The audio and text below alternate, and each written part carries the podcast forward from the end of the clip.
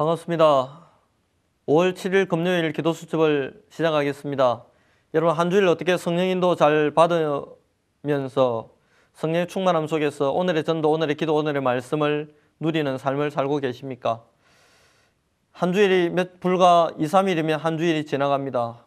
이번 주 강단에서 선포되었던 말씀과 핵심 메시지를 한 번 더 점검하고 기도의 비밀을 누리게 되기를 바랍니다. 오늘 기도 수첩의 주제는 복음 안에서 이 원네스입니다. 하나님의 말씀 보겠습니다. 사람을 택하여 우리 주 예수 그리스도 이름을 위하여 생명을 아끼지 아니하는 자, 자인 우리가 사랑하는 바나바와 바울과 함께 너희에게 보내기를 만장일치로 결정하였노라. 아멘. 만장일치로 결정하였다. 이 말씀이 굉장히 중요한 말씀입니다. 원리스를 이루었다는 말씀이지요.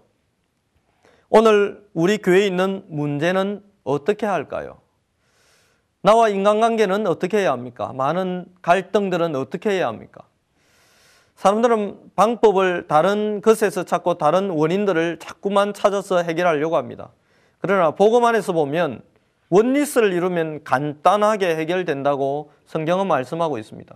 전 이스라엘 백성들이 원리스를 이루고 유월절 어린 양의 피를 문설주에 바르는 그날 그들은 탈애굽을 하게 되었습니다. 출애굽을 하게 되었습니다.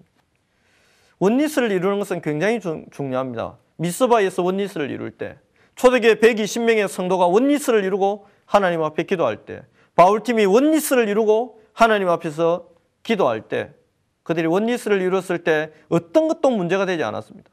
아시아의 문이 막힌 것도 문제가 안 되었습니다. 전도하다가 감옥 간 것도 문제가 안 되었습니다. 왜냐? 원리스를 이루고 복음 안에서 하나가 됐기 때문입니다.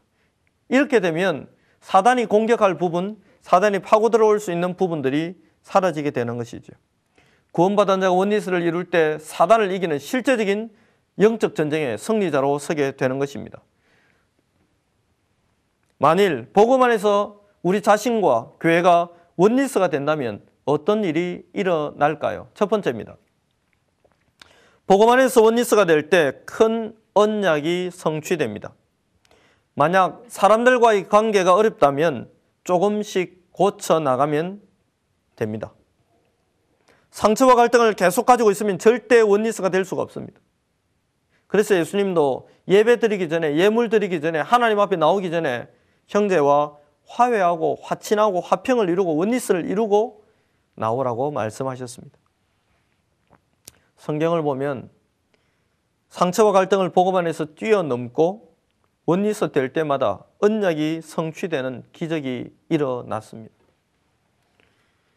하나 될 때, 요수아와 갈렙이 원리스를 이룰 때 하나님은 한 시대의 응답의 문들을 열어 주셨습니다. 저와 여러분이 가장 먼저 원리스를 누구와 돼야 됩니까? 하나님과 원리스를 이루고 다락방하는 가족들과 원리스를 이루고 교회와 원리스를 이루고 하나님이 세우신 목회자와 목회 방향과 목회 계획과 전도 계획과 원리스를 이루게 될 때 저와 여러분은 한 시대 하나님 일으키는 전도 운동의 중심에 서서 하나님께서 힘받는 참된 은혜를 누리게 될 것입니다. 두 번째입니다. 안에서 원리스를 낼 때 시대를 살리는 기적이 일어났습니다. 전 이스라엘이 양의 피를 바르는 그날 언약궤를 따라 원리스가 되어서 요단 앞에 선 그날 언약궤를 따라 전 이스라엘이 원리스가 되어 불평, 불신앙, 원망하지 않고 여리고를 돌던 그날 허감이 무너지고 저주가 꺾이고 하나님의 기적의 역사가 시작되었습니다. 그들이 참 원리스를 이룰 때 하늘에 태양과 달이 멈추는 응답이 있었고 안악 산지에 갔을 때도 문제가 되지 않았습니다. 여호수아와 갈렙은 인간 정치적으로 보면 정치적인 라이벌입니다. 그런데 복음 안에서 참 원리스를 이룰 때 그들의 삶을 통해서 하나님은 큰 일을 이루셨습니다. 이럴 때마다 하나님의 나라가 임하고 하나님의 성령의 역사심으로 기적이 시작되었습니다. 복음으로 원리스를 이룰 때 출 바벨론을 냈고 복음으로 원리스를 이룰 때 로마를 복음하는 중요한 응답을 누렸습니다. 세 번째입니다. 복음으로 원리스 되는 몇 명만 나타나도 하나님의 역사가 시작됩니다. 단 두 사람만 원리스를 이루어도 됩니다. 너희 중에 두세 사람이 내 이름으로 모인 그곳에 그리스도 예수의 이름으로 원리스를 이루고 모이는 그 현장에 하나님의 나라가 임하고 하나님의 능력의 역사가 시작되게 되어 있습니다. 대부분 사람들은 이익을 따라 원리스를 이룹니다. 그래서 이익이 사라질 때는 갈라집니다. 정말로 복음 때문에 전도 때문에 원리스를 이루고 하나님의 나라를 위하여 원리스를 이루면 이익과 관계없이 큰 행복, 감사, 감격 있는 인생을 살아갈 수 있게 됩니다. 아담과 하와가 원리스를 이루었을 때 그들에게는 하나님의 시대의 지혜가 왔습니다. 그들이 이 원리스를 깨었을 때 그들은 또 다른 고통을 맛보았습니다.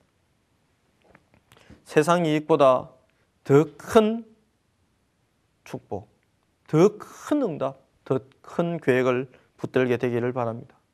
나의 유익을 버리고 복음을 위하여 협력하고 수용하고 이해하고 초월할 수 있는 참된 복음의 비밀을 가진 누리는 렘넌트로 성장하여서 정말 여러분의 인생을 통해서 하나님이 한 분야와 한 시대에 여러분을 지도자로 세우시는 그 축복을 누리게 되기를 바랍니다. 포럼 나누겠습니다.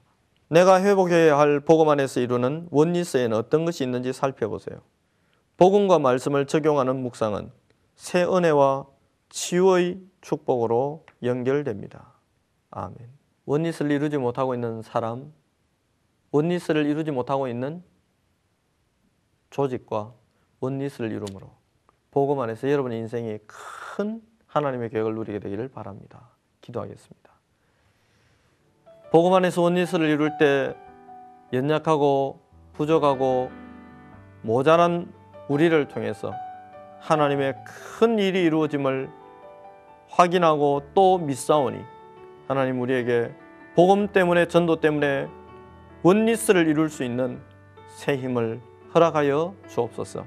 감사드리며 살아계신 예수님의 이름으로 기도드립니다. 아멘.